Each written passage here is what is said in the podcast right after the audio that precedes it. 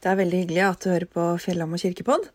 Jeg heter Elisabeth Lund og er prest i Fjellhamar menighet. Og nå tenkte jeg at jeg skulle lese for deg det som eh, var eh, søndagens tekst på fastelavnssøndag. Du bør følge godt med, for det er ikke veldig enkel tekst. Men jeg leser den fra Johannes 17, vers 20 til 26. Jeg ber ikke bare for de mennesker du ga meg, men også for dem som gjennom deres ord kommer til tro på meg. Må de alle være ett, slik du, Far, er i meg og jeg i deg. Slik skal også de være ett i oss, for at verden skal tro at du har sendt meg. Den herligheten du har gitt meg, har jeg gitt dem for at de skal være ett, slik vi er ett. Jeg i dem og du i meg så det helt og fullt kan være ett. Da skal verden skjønne at du har sendt meg, og at du elsker dem slik du har elsket meg. Far, du har gitt meg dem, og jeg vil at de skal være der jeg er, så de får se min herlighet, den du har gitt meg fordi du elsket meg før verdens grunnvoll ble lagt. Rettferdige Far, verden kjenner deg ikke men jeg kjenner deg, og disse vet nå at du har sendt meg.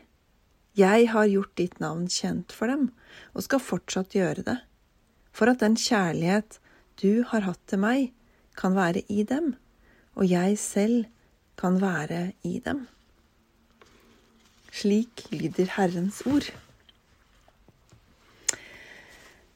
I dag handler det om kjærlighet og relasjoner, om å elske å bli elska, om vårt forhold til Gud og til hverandre. Og da jeg leste gjennom eh, denne prekenteksten eh, her om dagen, så kom jeg på et dikt av eh, Hans Børli. Det heter Å skrive dikt. Der sier Børli Nei da, det er ikke vanskelig å skrive dikt. Det er umulig. Tror du jeg ellers hadde holdt på med det i over 40 år? Prøv bare, prøv å sette vinger på en stein. Prøv å følge sporet etter en fugl i lufta. Sporet etter en fugl i lufta er vel ordløst. Og i prekenteksten så virker det som om Jesus prøver å sette ord på noe det ikke finnes ord for, men som likevel er enormt viktig for ham. Teksten er kronglete og snirklete, så jeg tipper at kanskje du har glemt det meste som jeg har leste nettopp allerede. Og jeg vet ikke om jeg klarer å holde en preken over den som er uten krongler og snirkler. Men teksten er også litt som et dikt, som må bli lest om igjen flere ganger, så man kan oppdage flere lag og store dyp. Og ordene snirkler seg sammen og peker mot hvordan vi henger sammen med Gud og med hverandre. Og samtidig er teksten like sammensatt og uklar som livet og relasjoner kan være. Det Jesus sier, er en bønn. Den blir kalt Jesu ypperste prestelige bønn, som han ba på skjærtorsdag før han skulle dø. Så når vi leser, så får vi være med inn i det han var så brennende opptatt av like før han gikk i døden. Jesus beskriver hvor tett han og Gud, hans pappa, hører sammen. De er ett. De har en utrolig nær relasjon som Jesus i denne bønnen inviterer oss inn i. Jeg har lyst til å si litt om eh, et ikon, så du må gjerne finne fram det ikonet eh, før du hører videre. Det er det om, som er avbilder treenigheten av Andrej Rublev. Han malte det rundt år 1400. Og det er kanskje det mest kjente bildet som er laget av treenigheten. Jesus, som vi kan kjenne igjen på bildet fordi han har hånda over kalken, altså det begeret med vin vi kjenner fra nattverden. Og Gud Fader som han bøyer hodet mot, og Den hellige ånd som sitter helt til høyre. Det uforklarlige og mystiske fellesskapet i Gud, som er én Gud og tre personer. Og så er det en ledig plass ved bordet til oss som ser bildet. Vi inviteres med inn i fellesskapet, så vi kan sitte til bords med Gud. Vi får leve i Gud, og Gud lever i oss.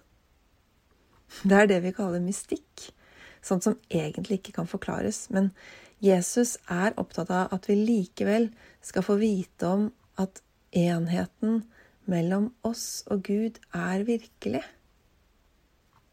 Vi trenger ikke å lete etter Gud. Gud er i oss, og vi er i Gud. Det er mystisk. Men jeg tror at det fins noe som er virkelig og sant utenfor alle ord og alle forklaringer. Noen syns det hjelper bedre med bilder enn ord for å prøve å ta inn et sånt budskap. Et bilde på dette kan være en flaske med vann som senkes ned i vann. Hvis vi er flaska, så er vi da fylt av det samme som også omgir oss. Gud er i oss, og vi er i Gud. Det er veldig nært. For noen av oss kanskje for nært.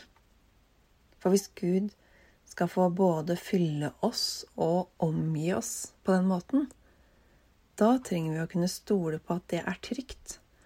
At Gud er god. Vi har alle en forestilling med oss om hvordan Gud er.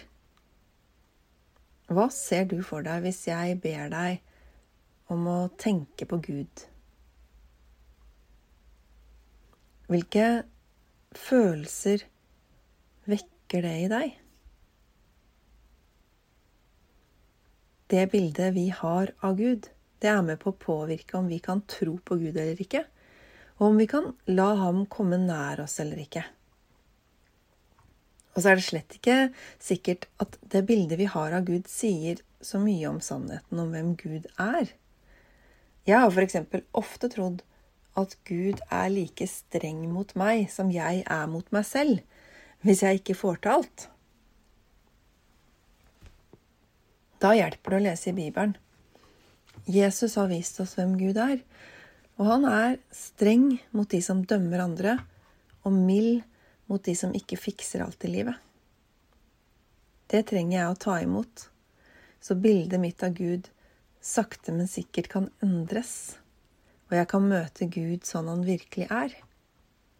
Noen ganger trenger jeg å bli satt på plass, hvis jeg f.eks. dømmer andre. Andre ganger trenger jeg bare å bli holdt rundt av en som elsker meg. Men min erfaring er igjen og igjen at jeg blir sett, og at Gud uansett møter meg med masse omsorg og kjærlighet, også når jeg har gjort noe jeg bør endre på. Denne søndagen er den siste søndagen i det som kalles åpenbaringstida i kirkeåret, der vi får se mer av hvem Jesus er, hvem Gud er. Den bønnen Jesus ber, avsluttes med Jeg har gjort ditt navn kjent for dem, og skal fortsatt gjøre det, for at den kjærlighet du har hatt til meg, kan være i dem, og jeg selv kan være i dem. Det kan oppleves vanskelig og svevende å kjenne eller forstå at Gud er i oss.